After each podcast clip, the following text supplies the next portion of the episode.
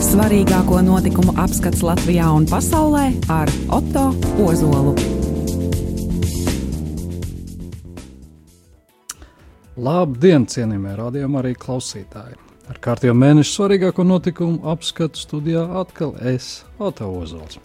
Atgādinu, ka šo apskatu esmu radījumā Marija Viļņos katra mēneša pirmajā pirmdienā, pulkstens piecos pēcpusdienā. Raidījums arī šodien ilgs apmēram nu, kādu nepilnu stundu. Uzreiz piebildīšu, ka ar priekšvēlēšanu laiku būšu ar jums arī katru otrdienu studijā. Jau rītdien, pulksten 16.30. puspiecos vakarā būs īpaša diskusija ar partiju pārstāvjiem. Raidījums sauksies mazliet izaicinoši Otto un Grābekļi. Par grābekļiem nevēlos sākt diskusiju viesus partiju pārstāvjus. Kopīgi mēs diskutēsim par galvenajām valsts, ja tā var teikt, virsvērtībām. Tā vienkāršot runājot, kā aizstāvēt virsvērtības un atkal neuzkāpt uz kādiem grābekļiem. Un par virsvērtībām mēs gribētu dēvēt par galvenajiem tematiem, kas arī būs šajās diskusijās. Tie varētu būt numur viens - demogrāfija, runāsim par Latvijas un latviešu valsts kā ilgspēju, runāsim par izglītību, Latviju, kā izglītot bērnu, nākamo pauģu zemi. Tāpat diskutēsim arī par vienu no strateģiskākajām virsvērtībām - aizsardzību, Vēl viena virsvērtība, mūsuprāt, ir saliedētā sabiedrība, kā visiem kopīgi atrast spēju sarunāties vienā valodā un saprasties, sadzirdēt vienam otru. Un, teiksim, piektā svarīgākā virsvērtība mūsu redzējumā ir Latvijas integrācija Eiropas civilizācijas telpā. Kā jau teicu, līdz vēlēšanām katru otrdienu te, radījumā arī studijā, mēs tiksimies ar trīs dažādu partiju pārstāvjiem un runāsim, kā Es jau teicu, tā lai runājot, neuzskāt atkal uz grābekļiem, bet kā kopīgi atrast labākos risinājumus svarīgāko virsvērtību kopšanā. Rītdien, radījumā arī tiešraidē, kā jau minēju, puspiecos vakarā, runāsim par pirmo tādu strateģisko virsvērtību, proti aizsardzību. Temati, sīkāki temati būs, vai Latvija vēl plāno palielināt izdevumus aizsardzībai, vai Latvijā būtu jāatjauno obligātais karadienests un arī citi būtiski jautājumi. Pie mums viesos būs apvienības attīstībai pār pārstāvis Zemesargs Mārtiņš Staķis, jaunās konservatīvās partijas aizsardzības ministra kandidāts Ainārs Pašķis un zaļos zemnieku pārstāvis aizsardzības ministrijas pašreizējais parlamentārais sekretārs Viesturs Silinieks. Atgādinu, diskusijas sākums puspiecos vakarā, jeb 16.30. Rītdien, otrdien.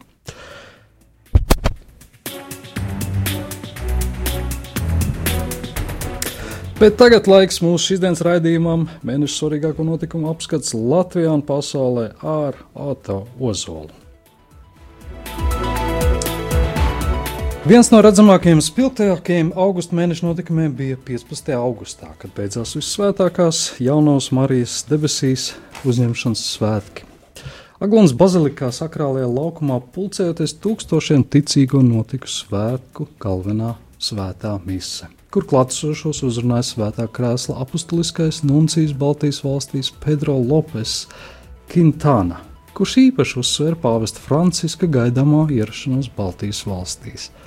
Latvijas Romas katoļu baznīcas arhibīskaps metropolīts Zbigņevs Stankēvičs savā uzrunā norādīja, Latvija ir labs kristiešu savstarpējās sadraudzības un sadarbības paraugs. Viņš svētku sprediķī pievērsās pāvesta Franciska gaidāmajai vizītē Latvijā. Arhibīskaps sacīja, ka šis ir gads, kad pāvests Francisks ierodās pie mums kā svētceļnieks, lai stiprinātu mūsu tautā ticību un cerību, lai būtu kopā ar mums šajā svarīgajā vēstures posmā. Atgādina, pirms 25 gadiem mūs apmeklēja pāvests Jānis Pāvils II, kuram bija neatsverama loma Austrumēropas valstu atbrīvošanā no komunistiskās ideoloģijas žņaugiem. Atgādina, ka viņš bija viens no lielākajiem, redzamākajiem rietumu pasaules līderiem, kurš ieradās 80. gadu sākumā Polijā, kas pirmā uzsāka pretošanos pret komunistiskā režīma žņaugiem. Un, teiksim, tā iedzina pirmās nozīmīgās plaismas augstā kara mūrī, kas rezultātā deva arī brīvību Baltijas valstīm, tā skaitā latviešiem. Arhibīskaps uzsvēra, ka mūsu tauta gadsimta gaitā ir turējusies pretī iznīcības spēkam un ne tikai izdzīvojusi, bet pastāv arī uz pasaules kartes. Pirms simts gadiem latvieši izcīnīja brīvu valsti ar savu valodu, kultūru, ticības pārliecību un dzīves ziņu, integrējot savā valstī arī tos citu tautību ļaudis, kas dzīvoja Latvijas teritorijā. Metropolīts pauda, ka arī Latvijas himna Dievs svētī Latviju liecina, ka Dieva atziņā bija klāta ka dieva atziņa bija klāta pie Latvijas valsts dibināšanas, ka Latvijas brīvības cīnītāji apzinājās, ka brīvība ir dieva dāvana. Šajā viņu izvēlē varam saklausīt vēstījumu par to, ka vēlamies, lai visām nākamajām paudzēm tiek atgādināts, cik svarīgi ir saglabāt brīvās Latvijas publiskajā telpā atziņu par nepieciešamību lūgt Dievu svētību. Uz aglonu tālāk un tuvāk ceļu mēroja arī 32 sveceļnieku grupas, kopumā aptuveni 1300 ticīgo, kas savā nodomā lūdzoties devās uz aglonu.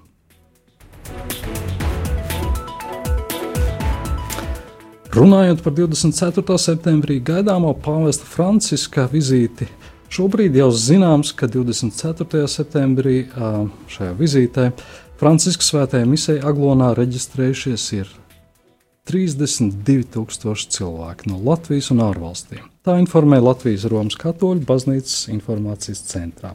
Reģistrējušies ir arī 919 cilvēki no ārvalstīm. Viņu vidū visvairāk ir ciemiņi no Baltkrievijas, arī no Krievijas, Polijas, Lietuvas un citām valstīm.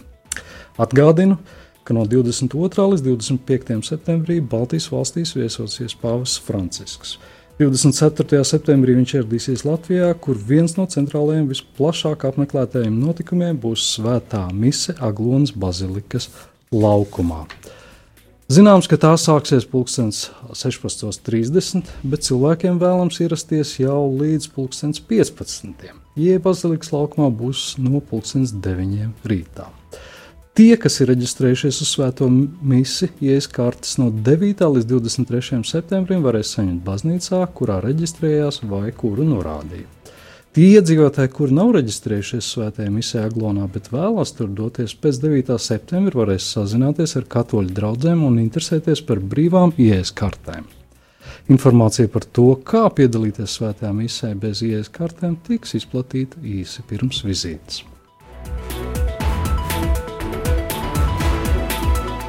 Augusts bija īpašs mēnesis arī Lutāņu arhībīskapam Jānim Banagam. Trešdien, 29. augustā, apritē 25 gadi kopš Latvijas evaņģēliskās Lutheriskās baznīcas arhibīskaps Jānis Vanaks iesvētīts par Rīgas un Latvijas Lutāņu arhibīskapu. Augusta beigās šo jubileju plaši atzīmē īpašā pasākumā, kurā piedalījās daudz ievērojami pašmāju kristiešu un viesi no ārzemēm. Kā liecina aģentūras Leta arhīvs, Jānis Vanaks ir dzimis 1958. gada 25. maijā Liepājā, ir precējies trīs bērnu tēvs. 1982. gadā Jānis Vanaks beidza Latvijas Valsts Universitātes ķīmijas fakultāti, vēlāk studējis teoloģijas seminārā. 1985. gadā ordinēts par evaņģēliskā Lutheriskās baznīcas arhibīskapu. No 1985. gada gadam līdz 1993. gadam bija mācītājs Saldus Svētā Jāņa draudzē. 1993. gadā Latvijas evaņģēliskās Lutheriskās baznīcas sinodu uz mūžu viņa ievēlēja par baznīcas virsgadu. 2011. gadā valdība apstiprināja viņu Lutera akadēmijas rektora amatā. Tolaik 35 gadu Vecais Jānis Vanaks bija jaunākais luterāņu biskups pasaulē. Tā norāda Latvijas evaņģēliskā luteriskā baznīca.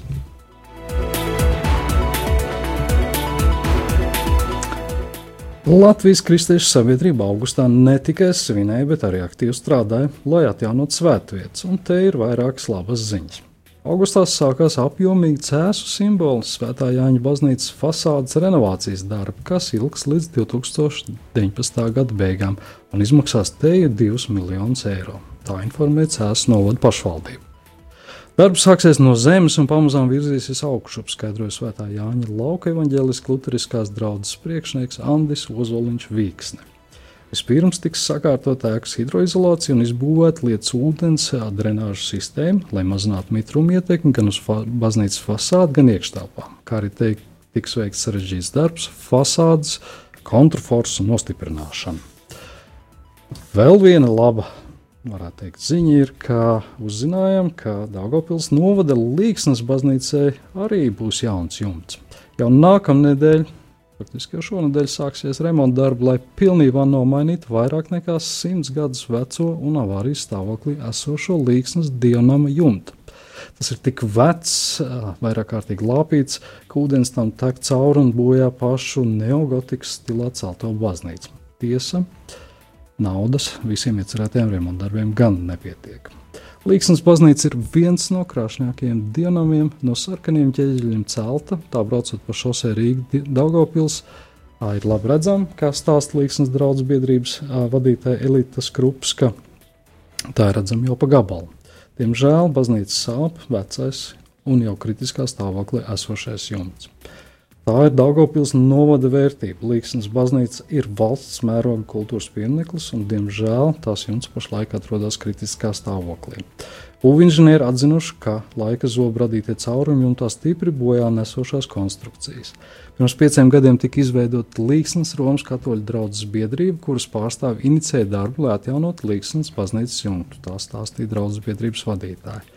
Būvnieki jau augustā sāka jumta nomaiņu, darbs ir apjomīgs, taču ierasts, jo celtniecības kompānijai DFST, kas stāsta uzņēmuma vadītājs Aleksandrs Cina, ir laba pieredze ar sakrālā kultūras mantojuma būvi remontiem. Viņš stāsta, ka savulaik viņi uzlika, viņi sāka ar Aglonas bazilikas remontu, tad remontēja pasienas baznīcu, uzņēmums ir liels, tāpēc pievēršamies arī dievnam remontiem. Līdz gada beigām viņš cer, lielākā daļa darbu būs izdarīta. Līksnes baznīcas būvdarba izmaksas ir 1740, 174,000 eiro. Diemžēl visas summas caurā jumta nomaiņai vēl nav. Remontam 20,000 eiro savākus pati draugi, vēl tikpat lielu summu no saviem līdzekļiem neparedzētiem gadījumiem piešķīrusi Dāngopils novada doma, bet lielākā summa - 100,000 eiro gūti no valsts sakrālā mantojuma programmas. Tajā svarīgākie kriteriji bija divi - iesniegto projektu gatavība un glābšanas darbu kritiskuma pakāpe.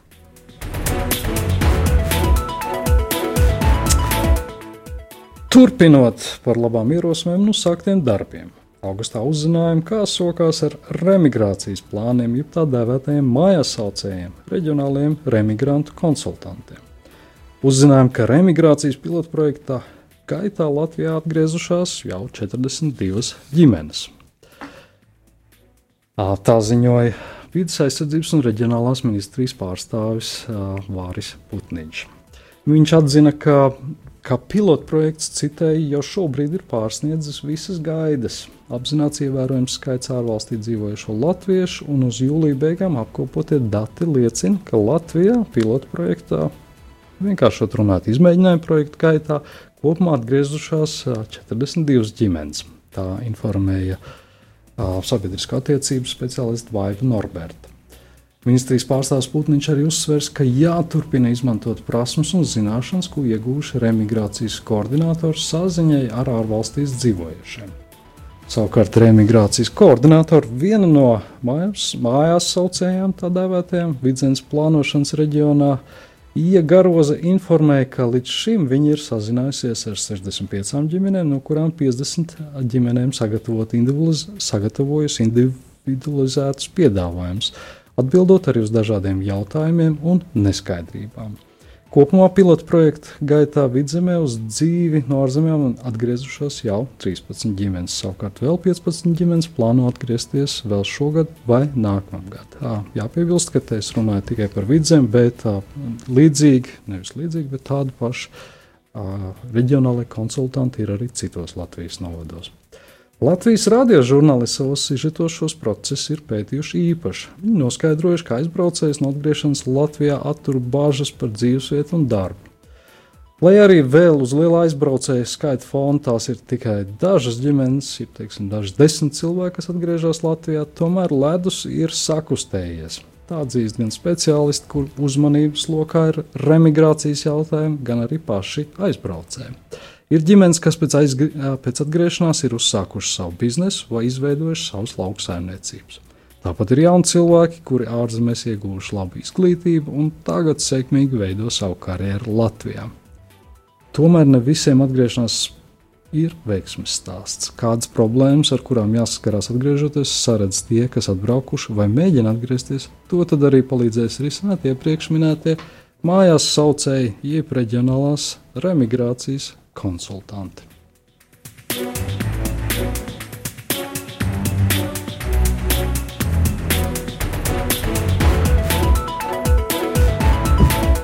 Augusts nāca ar labām ziņām arī daudz bērnu ģimenēm. Šīm ģimenēm turpmāk būs lielāks atlaides reģionālajos autobusos. Ministrs kabinets apstiprinājis grozījumus braukšanas maksas atvieglojumu noteikumos. Latvijas goda ģimenes apliecība, 3 plus ģimenes karte, lietotāji varēs iegādāties autobusu biļetes pār puscenu. Bet skolēni un studenti no daudz bērnu ģimenēm pat ar 90% atlaidi, tā informēja satiksmes ministrijām. Līdz ar grozījumiem no šī gada 1. septembra daudz bērnu ģimenes locekļiem uzrādot 3 plus ģimenes karti un personu apliecinošu dokumentu ir tiesības saņemt braukšanas maksas atvieglojumu 50% apmērā no brauciena biļetes pilnas cenas un 40% apmērā no abonenta biļetes cenas reģionālajā sabiedriskajā transportā. Daudz bērnu ģimenes locekļiem, kas apmeklē vispārējās pamatizglītības un vidējās izglītības iestādes, un kas turpina vispārējās profesionālās, augstākās vai speciālās izglītības iegūšanu, bet nav vecāki par 24 gadiem, būs tiesības saņemt atlaidi 90% apmērā no brauciena biļetes cen, pilnas cenas. Viņiem gan jāuzrāda 3 plus ģimenes karte un attiecīgi skolēnu vai studentu apliecība, kā arī personu apliecinošs dokuments. Savukārt valsts svētkos 4. maijā, 11. un 18. novembrī daudz bērnu ģimenes locekļiem būs tiesības saņemt braukšanas maksas atvieglojumus 100% apmērā. Es uzsveru, runa ir par reģionāliem pārvadājumiem.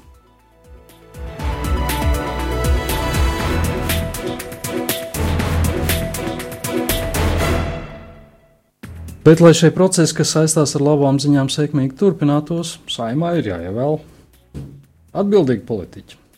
Šobrīd pilnā spārā rīt priekšvēlēšana diskusijas un politiķi iesniedz savus deputātu kandidātu saraksts. Augustā to iesniedz arī Nacionāla apvienība, kas iepriekš ļoti daudz strādājuši ar remigrācijas un demogrāfijas jautājumiem, akcentē tieši palīdzību ģimenēm ar bērniem. Nacionālās apvienības deputāta kandidāta Vēlēšana sarakstā līderi būs kultūras ministra Dācis Melnbārde, saimnes deputāti Raivis Dzintars un Edvins Šņore, Rezeknes Tehnoloģija akadēmijas rektors Edmunds Eirumnieks, kā arī Talsu novada domas deputāte Ilza Indriksona. Nacionālās apvienības līderi Rīgas vēlēšana apgabala sarakstā būs minētā Melbārde, saimnes deputāti Rihards Kols un Ritvers Jansons. Vidzemes sarakstā augšgalā atradīsies Nacionālās apvienības priekšsēdētājs un saimnes deputāts Raivis Dzinters, saimnes priekšsēdētāja Ināra Mūrniece un saimnes deputāts Jānis Dombrava. Zemgalē tā dēvētās lokomotīvas būšot saimnes deputāti Edvīns Šņore, Imants Parādnieks un Ingūna Rībena. Ar kurzemes sarakstu pirmā numuru startēs Talsu novads deputāte Indriksona, bet aiz viņas saimnes deputāte Janīna Kursīte Pakule un uzņēmējs kultūra vietas kursas putni dibinātājs Artūrs Butāns. Nacionālā apvienība informē, ka īpaši nozīmīgi tā savā programmā piešķir latgalē, uzsverot, ka latgaliskais ir latviskais. Latgalisko vērtību izkopšanai paredzēts not, latgalisko vērtību izkopšana paredzēts noteikti par vienu no jaunās simtgadus prioritātēm, tā uzsvera partijas pārstāvji. Tādēļ Latvijas saraksta līderi būs Reizeknas tehnoloģija akadēmijas rektors Edmunds Teirumnieks, saimnes deputāte Ines Laizāne un mūziķis grupas Dabasu Duravojas līderis, interešu izglītības pedagogs, televīzijas un radio raidījuma vadītājs Ārnes Slobos Žaņins. Nacionālās apvienības Latvijas sarakstē būs arī pazīstamais latviešu valodas aizstāvis Dagopilī, artilērijas kluba saimnieks un mediķis Andrejs Faibuševičs.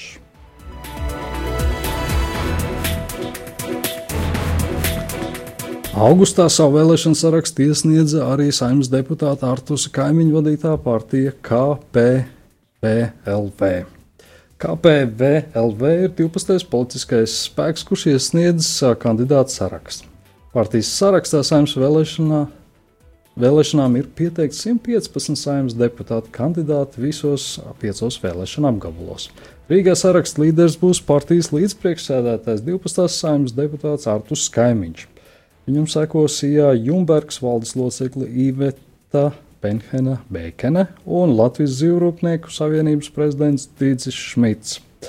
Viens no galvenajiem jautājumiem, kas bieži tiek jautāts KPVLV, ir par viņu iespējamo sadarbību ar partiju saskaņu. Tiesa, taisnības labad jāsaka, ka līdzīgi jautājumu uzdod arī citām partijām. Kaimiņš atbildot uz šo jautājumu, vispirms norāda, ka partija KPVLV iekļūs 13. saimā un veidos nākamo valdību. Tā viņš apgalvoja intervijā Latvijas rādio. Tiesa gan, atturoties sniegt nepārprotamu atbildi, kas varētu būt KPVLV potenciālais sadarbības partneri jaunās valdības veidošanā. Vaicāts, vai KPVLV varētu sadarboties ar politisko partiju saskaņu, kā viņš norādīja, ka šajā jautājumā nevar atbildēt ar jā vai nē.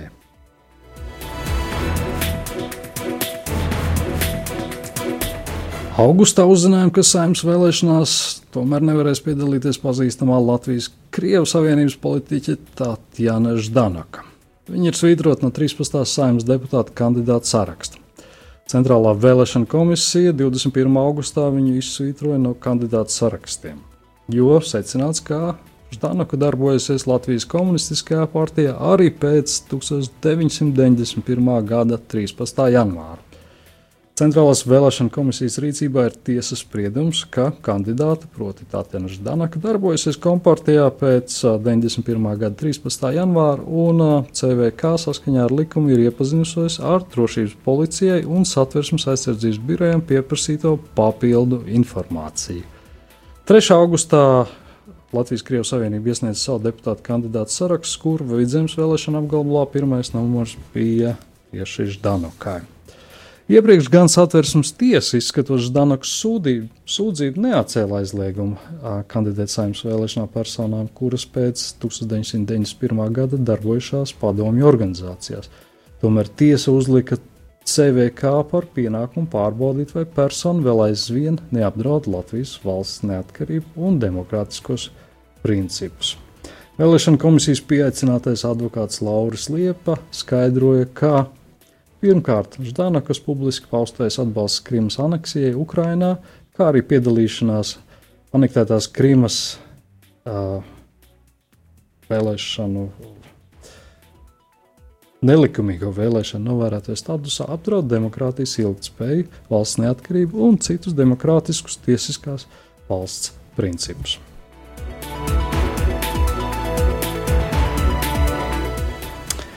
Augustā aktualizējās jautājums arī par nākošo valsts prezidentu, kuru nākošā saima, tas ir jaunā saima, jā, ievēlēs jā, nākošais gads. Eiropas Savienības tiesas tiesnesis Egils Levits, kurš kandidēja iepriekšējās valsts prezidenta vēlēšanās, atzina, ka būtu gatavs vēlreiz apdomāt šādu iespēju, ļaut sevi izvirzīt par prezidenta kandidātu, ja par to vienotos vairāk politiskie spēki. Intervijā Latvijas radio raidījumā Krustpunktā Levits pauda, ka kāds viens politiskais spēks nevar ievēlēt prezidentu, bet par to jāspēj vienoties vairākiem politiskiem spēkiem. Ja šāda vienošanās par viņa kandidatūru būtu un viņa uzrunātu, viņš būtu gatavs apdomāt piedāvājumu. Levits teica, ka katram cilvēkam jābūt politiskam atbildībām. Ja politiskā atbildība liek, jāuzņemas atbildība.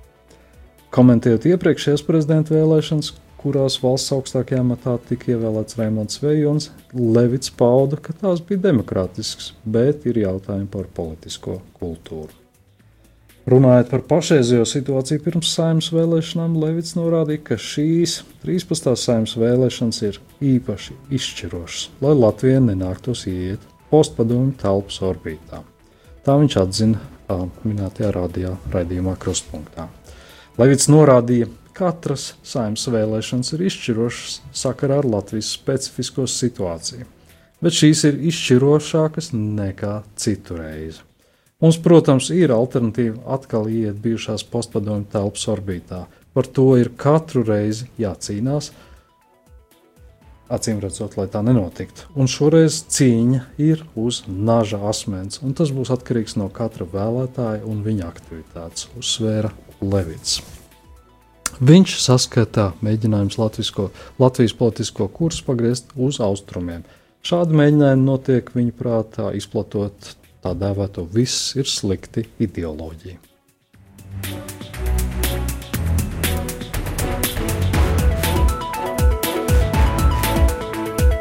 Ņemot vērā, ņemot vērā, ka situācija patiešām ir saspringta, augustā ar īpašu paziņojumu nāca aizsardzības ministrija.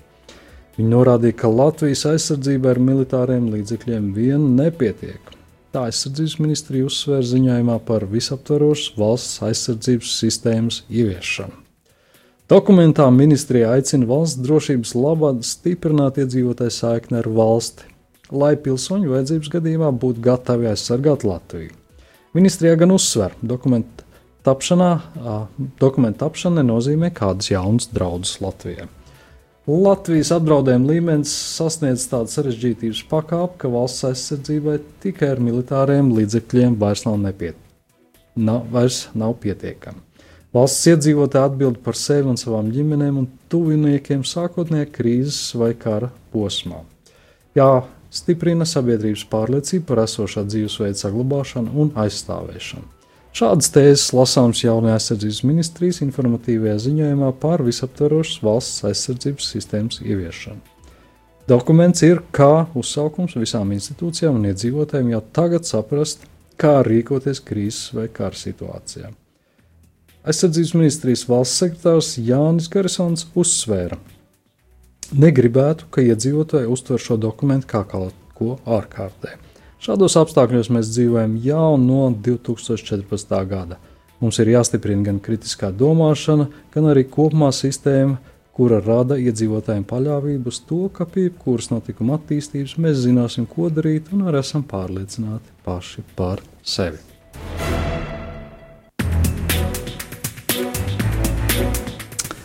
Tikmēr Latvijā pastiprinājusies arī cīņa ar viltus ziņu izplatītājiem.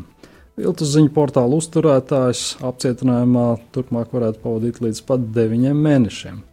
Policija informē, ka jūlijā ir uzsākts krimināla process par vairāku uzņēmēju valsts iestāžu iesniegumiem par to, ka internetā izplatīts ar drošības apdraudējumu saistītas ziņas, kas izraisījušas sabiedrisko rezonanci un, neizp un neizpratni par likumību. Kā norādīja valsts policijas vadītājs Inns Čūzis, vairāk nekā pirms mēneša sabiedrība pārsauc šis jautājums par viltu ziņām, kuras, maigi sakot, bija nežēlīgas. Bija izmantota informācija, lai mulsinātu sabiedrību par to, ka ir notikuši smagi gadījumi ar cilvēku bojāju. Jūs norādījāt, tas arī mūs uztrauc, un mēs saņēmām vairākus iesniegumus no cietušām personām, tirdzniecības centriem un citām organizācijām, kuras tika pieminētas, un būtībā bija saskatāms tas, ka šeit ir nodarīts morāls kaitējums un ir pamats uzsākt kriminālu procesu. Tā, kā jūs teicāt, atzina valsts policijas vadītājs Inns Čūzis. Izmeklēšanas laikā apzināts vietnes, nepatiesa ziņa, kurās nepatiesas ziņas bija publicētas. Policija secināja, ka kopumā internetā atrodams vismaz septiņas analoģiskas satura vietnes. Es tulīt viņas nosaukšu. TV, domzīme, play.lv, neticams redzams.net, redzams.lv, redzams.net, kas jauns.net. Es uzsveru, kas jauns.net, nevis kas jauns.lv. Tas ir uh, uzticams portāls. Kas jauns.net, tas ir bīstams. Jāskatās arī, kāds ir tas uh, paplašinājums. Tāpat par uh, šaubīgu tiek dēvēts uh, portāls par visu. .net, atklāts.com, kuras uztur personu grupu ar mērķi dalīties ar vietnēs izvietotajām viltus ziņām sociālajos tīklos. Un tādējādi apzināti maldinot sociālo tīklu lietotājus un ievilinot viņus apmeklēt šīs viltus ziņas. Viņi darbojas pēc principa, jo briesmīgāks, jo šausmīgāks virsraksts, jo, jo cilvēki visdrīzāk satraukumā uzklikšķinās uz šīm apšaubāmajām vietnēm. Tādēļ cilvēki tiek aicināti, ja redz kādu ārkārtīgi šausminošu paziņojumu, vispirms pievērst uzmanību, kas no kādas interneta adreses tas nāk. Ja jūs redzat neusticamu adresi, tad varbūt pārbaudiet šo ziņu vispirms kādā drošticamā ziņu portālā. Pirmais nepatiesa ziņu izgatavošanā publicēšanā aizdomās ir aizturēts kāds Niks Enziņš, kurš iespējams apcietinājumā varēs pavadīt līdz pat deviņiem mēnešiem. Enziņš tiek turēts aizdomās par huligānismu un krāpšanu nelielā apmērā. Par huligānismu var piemērot brīvības atņemšanu līdz diviem gadiem, piespiedu darbu vai naudas sodu. Savukārt par krāpšanu nelielā apmērā soda ar brīvības atņemšanu uz laiku līdz vienam gadam, piespiedu darbu vai arī naudas sodu.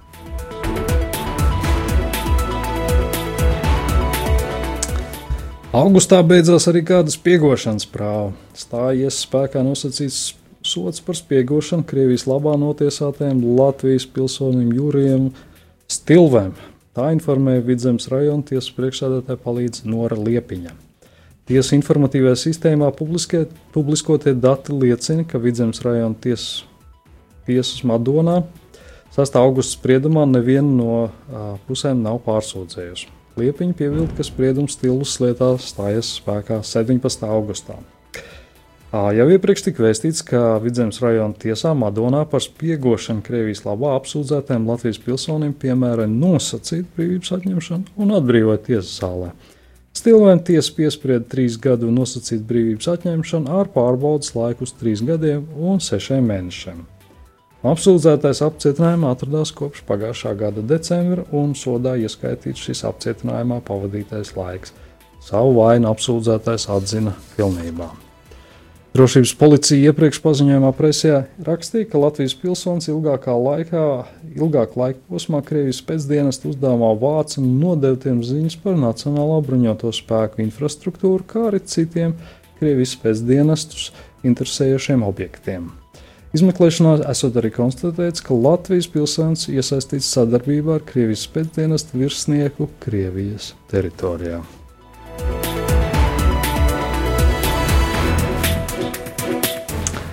Sliktas ziņas augustā nāca arī azartspēļu biznesmeņiem. Rīgas doma nolēmusi, ka slēgs spēļu zāli pie centrālās stācijas. Rīgas domas drošības, kārtības un korupcijas novēršanas jautājumu komiteja 4. 23. augustā atcēla SIA Alford doto atļauju pie centrālās stācijas organizēt azartspēles.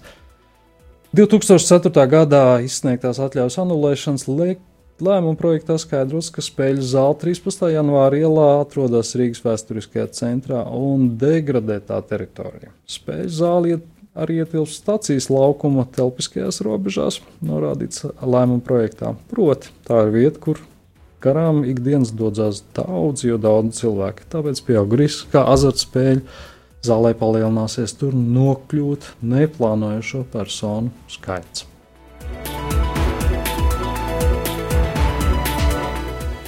Augustā uzzinājām, ka cilvēku neprātība neaprobežojas tikai ar spēļu atkarībām vien. Diemžēl iedzīvotāji Latvijā mēdz būt neuzmanīgi arī vienkārši atpūšoties pie ūdeņiem. Ap 20 jauniešu šos ir lauzuši mugurkaulu, lecot ūdenī uz galvas. Šā gada neparasti karstā vasara ietekmēs arī peldēšanas traumu statistiku. Uh, iespējams, ka šie 20 jaunieši, kas lecot ūdenī uz galvas, ir lauzuši mugurkaulu, visu mūžu varētu pavadīt ratiņkrēslā. Nav palīdzējusi arī iepriekš uzsāktā kampaņa ar zīmīgu nosaukumu Pārgalvis vienāds bezgalvis, kas šogad notika pirmo reizi, lai sāsinātu sabiedrības uzmanību par iespējamām traumu sekām. Kā atzīst neatliekamās medicīniskās palīdzības dienesta pārstāvja Ilza Bukša, pārsvarā tie ir jauni vīrieši. Pārgalvība, pārdrošība, riska sajūta viņiem atšķirīga no vecākiem cilvēkiem, bet ir arī pusauģis 13, 15 un 18 gadi. Bet pēc mediķa domām, lai kampaņa pārgalvis vienāds bezgalvis būtu efektīva, nepieciešams sākt ar pavisam maziem bērniem, skaidrot viņiem riskus un varbūt pat vēst viņus uz rehabilitācijas centriem, lai savām acīm redzot, kādas varētu būt sekas.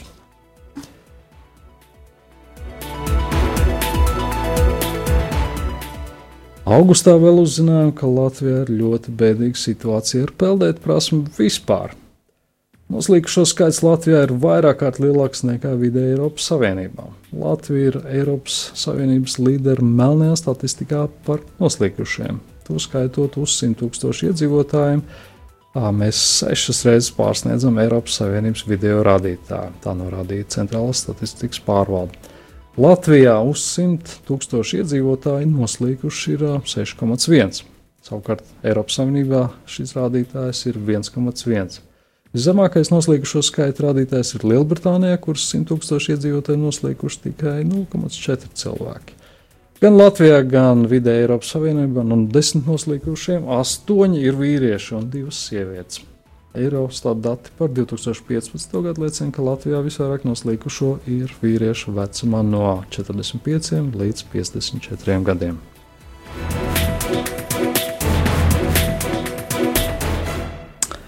Brīdinājumi atskanējuši arī skolām, kurās kopumā vispārējais izglītības līmenis nav nepietiekams. Augustā uzzinājām, ka vidusskolas ar sliktiem kvalitātes rādītājiem varētu zaudēt valsts naudu pedagoģu algām. Ja vidusskola vairākus gadus pēc kārtas nesasniegs izglītības kvalitātes kritērijas, tā varētu nesaņemt valsts budžeta finansējumu pedagoģa algām. Tā liecina Izglītības un zinātnes ministrijas sagatavotais noteikuma projekts par kritērijiem un kārtību pedagoģu darbu samaksu finansēšanai vidusskolas posmā. Noteikuma projektā ietvertā norma noteikuma projektā ietverta norma, kas nosaka, kā aprēķinot un sadalot valsts budžeta meditāciju. Pedagoģa darba samaksas finansēšanai tiek paredzēts ņemt vērā vairākus kritērijus. Viens no tiem paredz minimālo skolēnu skaitu, bet otrs - izglītības kvalitātes rādītājs.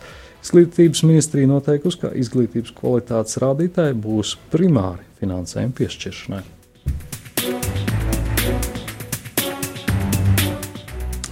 Tā pašā laikā kopumā plānots palielināt skolotāju atalgojumu. Vienīgi tam nākamā gada budžetā jāatrod papildus 19 miljonus eiro. Lai pedagoģa minimālā alga par likmi būtu 710 eiro mēnesī, nākamā gada budžetā jāatrod papildus 19 miljonus eiro. Tā intervijā Latvijas televīzijai teica izglītības un zinātnes ministrs Kārlis Šadurskis. Viņš teica, ka 710 eiro likmes nodrošināšanai šogad nepieciešams aptuveni. Šogad nepieciešamos aptuveni 6 miljonus eiro finansēs no līdzekļiem neparedzētiem gadījumiem, kā arī no Izglītības un zinātnes ministrijas budžeta. Taču, lai šādu likmi garantētu, arī 2019. gadā jāatrod vēl 19 miljonus eiro. Šadurskis pauda, ka tas būs finanšu ministrijas un valdības ziņā. Turklāt jāņem vērā, ka aiznākamajam mācību gadam Pedagoģa minimālajā atalgojumam par likmi ir jākāpj vēl līdz 750 eiro, kas nozīmēs vēl lielāku ietekmi uz budžetu.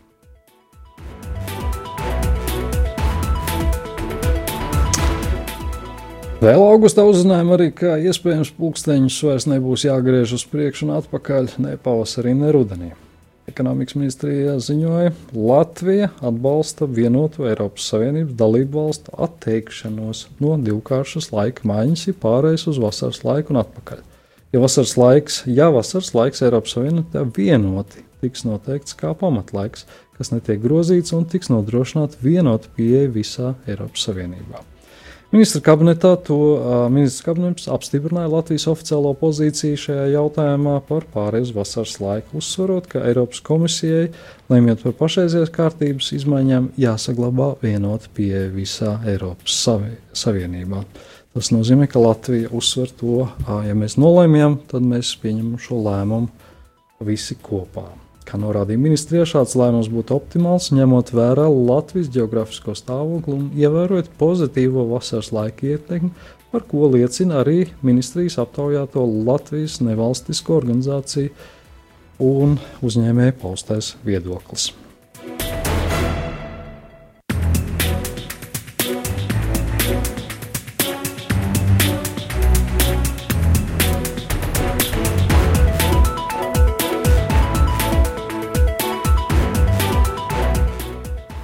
Pēc ļoti ilga laika ir arī labas ziņas lidosta Rīga klientiem. Izrādās, ka no lidostas uz Rīgas centra autobusu reisus plāno arī nakts laikam. Pašlaik notiek lidostas Rīgas un Rīgas domas sarunas par 22. autobusu maršrutu kursēšanu arī pēc pusnakts. Tā intervijā Latvijas radio raidījumam Krustpunktā pastāstīja lidostas Rīgā valdes priekšsēdētāja Ilona Līce. Turpinoties problēmām ar taksometriem pie lidostas Rīga, lidostas direktora aicināja pasažierus braukt ar privātajām automašīnām. Tāpēc lidostas īstermiņa stāvvietā atvēlēs desmit bezmaksas minūtes, lai braucēji varētu pavadīt vai uzņemt viesus. Savukārt sabiedriskais transports, ar kuru pašlaik iespējams aizbraukt no Rīgas centra uz lidostu, ir satiksmes, Rīgas satiksmes 22. maršruta autobus. Pašlaik tiek runāts par to, lai reisi būtu arī pēc pusnakts, piemēram, ap pulkstens uh, diviem naktī. Līdz pārliecināt, ka, ka izmaiņas varētu notikt jau šogad. Tāpat tiek runāts par sabiedriskā maršruta taksometra tīkla paplašināšanu lidostas vajadzībām.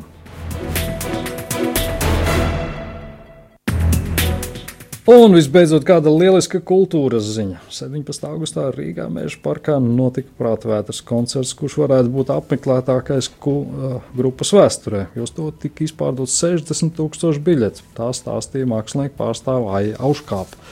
Viņa atzina, ka prātvētrē koncerts uh, bija visapmeklētākais grupas pastāvēšanas vēsturē, taču esot sarežģījis spriedz, vai tas būs pats apmeklētākais privāti rīkotais muzikālais pasākums Latvijas vēsturē.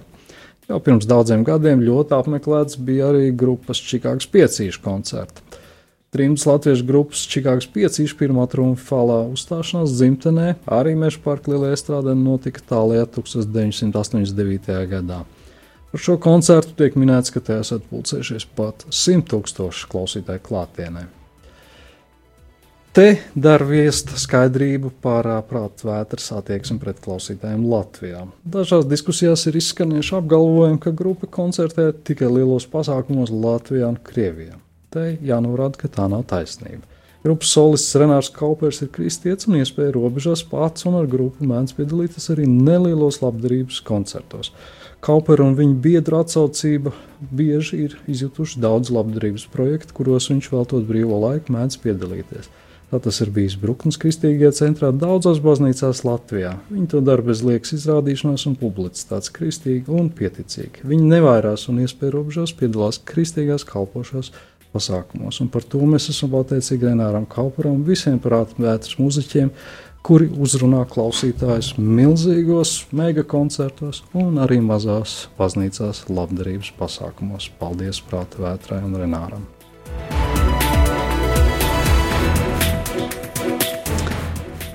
Tagad laiks pasaules notikuma apskatam. Augustā Pāvests Francisks ieradās vizītē Dublinā, Īrijā. Tur viņš devās, lai piedalītos pasaules ģimeņa tikšanās dienā. Tas bija vērienīgs pasākumā, tika sagaidīts, kurā tika sagaidīts piedalāmies apmēram pusmiljonam cilvēku. Pēdējo reizi Romas pāvests Īriju apmeklēja pirms 39 gadiem, un tas bija Jānis Pāvils II. Pāvests pirms tikšanās ar ģimenes svētku dalībniekiem tikās arī ar īrijas prezidentu un pilsoniskās sabiedrības pārstāvjiem, kā arī apmeklēja bezpajumtnieku dienas centru, kas svētdien noturēja dievkalpojumu populārajā Fēniks parkā. Tiekoties ar mēdīju pārstāvjiem, tika apspriest arī sarežģīti jautājumi. Pāvests Francisks pēc vizītes īrijā aicināja vecākus nenovērsties bērniem ar netradicionālu seksuālo orientāciju. Viņš arī aicināja aizlūgt par šīm personām. Pāvests uzsvēra, es nekad neteikšu, ka klusēšana ir līdzeklis. Dēlu vai meitas, kuram ir homoseksuālās tendences, ignorēšana ir mātes un tēva jūtu nēsamība. Tu esi mans dēls vai meita, tāpat kā es esmu jūsu tēvs vai māte, tāpēc parunāsim. Un, ja tēvs vai māte to nespēja, palūksim palīdzību, aicināja pāvests. Pāvests arī uzsver, ka tā ir liela problēma, ko nepieciešams risināt. Ja šādas trauksmēs tendences nav vērojams bērniem, būtu ieteicams vērsties pie psihiatra. Tomēr viņš pieļāva iespēju, ka ir citēji kaut kas cits, ja netradicionāla seksuāla orientācija apzinās jau pieaugusi persona. Atbildot uz žurnālistu jautājumiem, viņš arī pilnībā nenoliedz abortu veikšanu un iestājās par imigrantu tiesībām. Un tā patiešām ir ļoti, ļoti būtiska problēma Eiropai šobrīd. Tieši ap šobrīd, augusta beigās, sākās un šobrīd turpinās Vācijas pilsētā diezgan pamatīgs saspīlējums, ko augusta beigās izraisīja divu imigrantu pastrādātu slepkavību. 30. augustā turkārtējā protesta akcijā piedalījās apmēram 1000 cilvēku. Pasākumu organizēja vietējā galēji labajā organizācija, kuras dalībnieki izmantoja neonacistu simboliku. Viņi nesa plakāts ar uzrakstiem Attīrīsim Vāciju. Demonstranti arī pauda sašutumu ar kanclers Angelas Merkels tā dēvēto atvērto durvju politiku imigrantiem. Akcijas dalībnieks nespēja ietekmēt varas iestāžu paziņojumus, ka diviem imigrantiem jau izvirzīts apsūdzības par nonāvēšanu un viņiem piemērots pirmstiesas apcietinājums. Asu kritiku vietējā sabiedrībā izpelnījusies arī policija par nespēju novērst noziedzību un savaldīt naidīgi noskaņoto grupējumu pārstāvis. Itālijā imigrantu jautājums ir novedis līdz pat konfliktam un draudiem Eiropas Savienības vadībai Briselē. Itālija piedraudzējusi Eiropas Savienībai, ka tā varētu apturēt savus maksājumus Eiropas Savienības kopējā budžetā, ja netiks atrisināts jautājums par valstī ieceļojušo migrantu pārvietošanu uz citām valstīm. Šādi izteikumi izsauguši asu Eiropas komisijas pretreakciju, Briselē norādot, ka tiek meklēts visaptvarošs migrācijas krīzes risinājums. Tikmēr Itālijas iekšlietu ministrs solīs turpināt cīnīties par stingras migrācijas sistēmu ieviešanu valstī pretī saņemot apsūdzības par iespējamu cilvēku nolaupīšanu un varas ļaunprātīgu izmantošanu.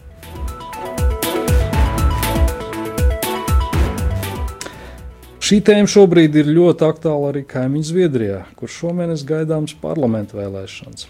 Zviedrijā 14. augusta vakarā un naktī uz, uz 15. augusta vairākās pilsētās tika aizdedzināts līdz pat 80 automašīnām. Tā ziņoja policija. Pastāv aizdomas, ka dažas nedēļas pirms vēlēšanām auto dedzināšana ir koordinēts uzbrukums. Vairāks, vairums automašīnu ir cietuši 20 vietās Zviedrijas otrajā lielākajā pilsētā Göteborgā.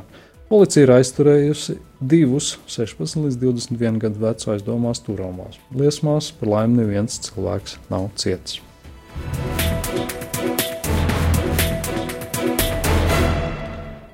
Kaut migrantu plūsma samazinās, bojāgājušo skaits vidusjūras ūdeņos aizvien pieaug. Vidusjūrā pieaug bojāgājušo cilvēku skaits, neskatoties uz to, ka migrantu un bēgļu plūsmas uz Eiropas salīdzinot ar iepriekšējiem gadiem ir strauji samazinājušies. Šī gada pirmajos mēnešos, septiņu, šī gada pirmā, pirmajos septiņos mēnešos vidusjūras ūdeņos dzīvību zaudējuši vairāk nekā 1500 cilvēki, no tiem vairāk nekā puse iepriekšējos divos mēnešos. Par to liecina apvienoto nāciju organizācijas dati. Eiropas Savienība tikmēr turpina sadarbību ar galveno migrantu tranzītu valsti Lībiju, lai raudzītu, samazinātu gan migrācijas plūsmas, gan riskus cilvēku dzīvībai. Kopš janvāra no Ziemeļāfrikas uz Eiropu vidusjūras čērsojuši aptuveni 60 tūkstoši migrantu un patvērumu meklētāju. Tas ir aptuveni uz pusi mazāk nekā šajā pašā laika periodā pērn. Tomēr, neskatoties uz to, ka migrantu plūsmas strauji samazinājušās, bojāgājušo skaits vidusjūras ūdeņos gluži pretēji arvien pieaug. Saskaņā ar ANO bēgļu aģentūras datiem šogad, mēģinot šķērsot vidusjūru, miruši vairāk nekā pusotrs tūkstotis bēgļu un migrantu. Vairāk nekā puse no nāves gadījumiem reģistrēta tikai jūnijā un jūlijā vien. ANO bēgļu aģentūra norāda, ka cilvēku kontrabandisti izmanto aizvien nedrošākus un sliktākā stāvoklī esošus laivus, kas parasti ceļā dodas cilvēku pārpildīts. Turklāt pēdējos mēnešos, īpaši Itālijā, bet arī Maltā, vairs neatļauj savās ostās pietāvoties nevalstisko organizāciju glābšanas kuģiem, ar migrantiem, liekot tiem vairākas dienas meklēt citu valstu, kur piestāt. Pēdējā laikā tā bijusi Spānija.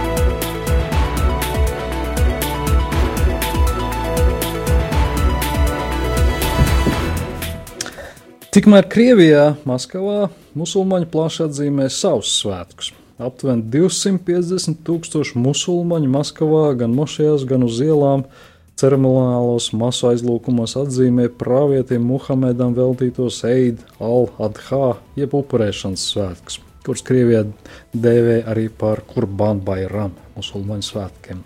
Tā vēstīja ziņa aģentūra TAS. Svētkos islamticīgos sveicis arī Krievijas prezidents Vladimirs Putins.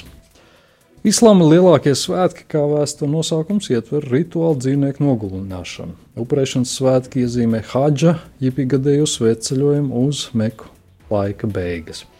Maskavā lielākā daļa musulmaņu ir iebraucēji no islāmticīgiem Centrālā Azijas valstīm.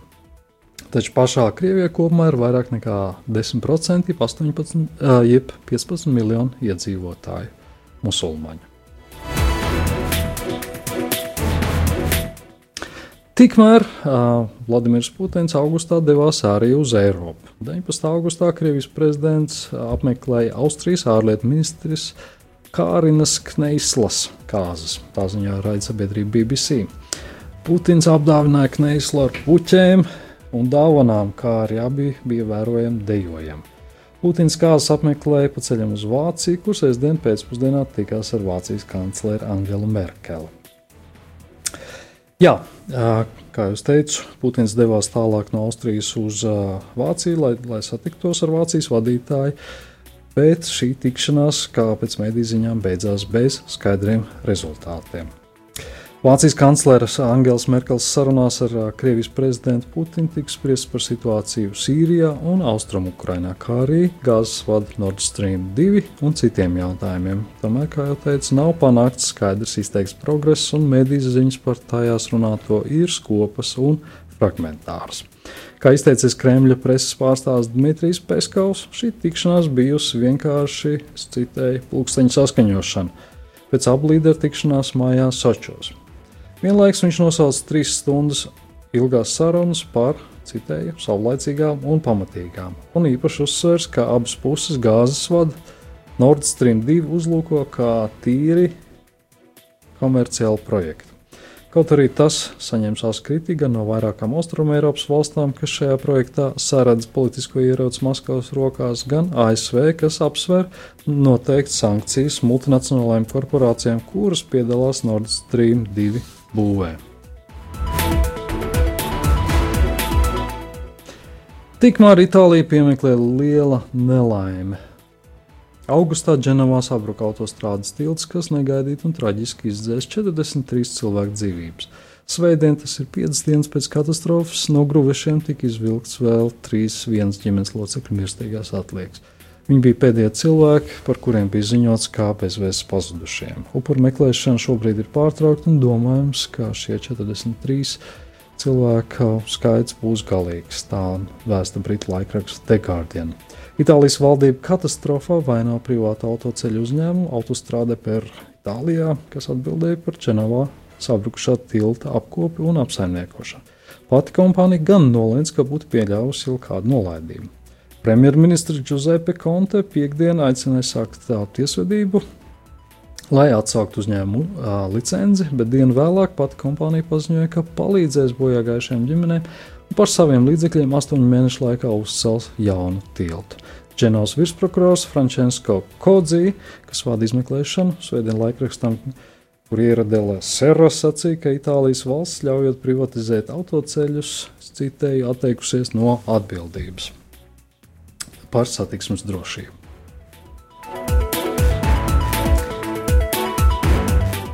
Satraucošas ziņas augusta sākumā pienāca arī no Igaunijas. Par laimi iztika bez upuriem. Tur Spānijas iznīcinātājs Eirofighter mācību lidojuma laikā virs Igaunijas teritorijas nejauši izšāva gaisa skaisti tipa riķeti Amrām. Incidents notika 15.44 virs Igaunijas dienvidrietumiem pie OTP gaisa pie OTP gaisa telpā, kas bija paredzēta mācībām. Vēlāk Igaunijas militāra personas paziņoja, ka raķete visticamāk nokritusi purvainā un neapdzīvotā vietā Endlas dabas rezervātā valsts vidienā. Par to, vai raķete ir vai nav atrasta, joprojām ziņas ir pretrunīgas. Augustā uzzinājām arī par vairākām sēru vēstījumiem. 18. augustā mūžībā devās bijušais ANO ģenerālsekretārs Kofi Anans. Viņš bija pirmais melnādainais afrikānis, kas kļuva par vienu no pasaules ietekmīgākajiem diplomātiem. Anans bija 7. ANO ģenerālsekretārs laika posmā no 1997. gada līdz 2006. gadam un ir iegūs Nobela miera prēmiju. Augusta beigās, 81 gadu vecumā, mūžībā devās arī ASV republikāņu senators Džons Makēns, kurš savulaik kandidējis arī ASV prezidenta vēlēšanās. Tā ziņoja aģentūra AFP. Mēs Latvijā viņu atcerēsimies kā draugu un aktīvu drošības un neatkarības aizstāvu. Visu savus aktīvos politikas laiku Makēns bija asins Krievijas politikas kritiķis un Baltijas valstu aizstāvs un draugs. Viņš atbalstīja arī Ukrainu un Grūziju, kurus pats arī personīgi apmeklēja. Arī pēc nesenās partijas biedra tagadējā prezidenta Donalda Trumpa tikšanās ar Vladimiru Putinu Helsinkos, Makēns nevairījās no publiski kritiski asiem vārdiem un to nosauca par traģisku kļūdu. Līdz pat pēdējiem brīdim abu politiķu attiecības bija vēsas.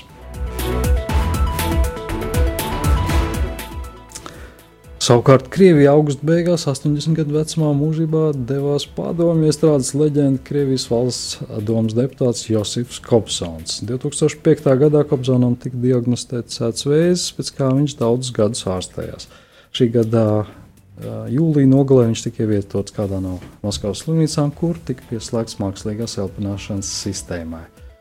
Kopzem 2003. gadā iekļāva melnajā sarakstā, Oficiālais iemesls bija tā, valsts drošības un kārtības apdraudējums. Pēc gada viņi izņēma no šīs saraksta, bet 2014. gadā, īsi pirms jūrmā notiekošā konkursa jaunais Vīlnes sākuma, ārlietu ministrs Edgars Rinkevičs atkal viņu iekļauja šajā melnajā sarakstā, un iemesls bija viņa atbalsts Krievijas agresijai Ukrainā. Savukārt, tā var teikt, rietumu pasaulē, rietumu mūzikas pasaulē, solu mūzikas cienītāji augustā atvadījās no leģendārās par solu mūzikas karalieni dēvētās dziedātājas Aretas Franklinas. Franklina ar saviem hitiem Respect, Natural Woman un I Say a Little Prayer ir ietekmējis vairākas dziedātāju paudzes. Karjeras gaitā viņa ir saņēmusi 18 prestižās Grammy godalgas arī par mūža ieguldījumu. Viņa ir pirmā sieviete, kas uzņemta rokenrola slavas zālē. 2005. gadā Franklins saņēma prezidenta brīvības medaļu ASV augstāko civilo apbalvojumu. 2010. gadā viņai radās nopietnas veselības problēmas, bet neraugoties uz to, viņa turpināja uzstāties līdz pat pagājušā gada beigām. Vienu no balvām viņa ir guvusi par gospel mūzikas albumu Amazing Grace. Kā zināms, tad gospel mūzika ir viens no skaistākajiem afroamerikāņu slavēšanas mūzikas žanriem, ticības un mīlestības apliecinājums tam kungam. Mīlestībā pieminot Arētas Franklins skaisto devumu ticībai, es šovakar no jums atvedos. Atgādinu, tiekamies jau rītdien, otrdien, priekšvēlēšana diskusija raidījumā Oto un Grābekļi. Grābekļi paši nebūs studijā, bet studijā būs politiķi, kurš stāstīs, kā plānot nosargāt Latviju no uzkāpšanas uz Grābekļiem. Diskusijas sākums pulksten 16.30 ir puspiecos vakarā. Uz drīz tikšanos, visu labu! Studijā bija autors Ozols. Sirdī, lūkšanās ar jums! Pieminot arī visus, kur augustā devušies mājās pie tā kunga, lai skan Aretas Franklinas dziedātais kospelis.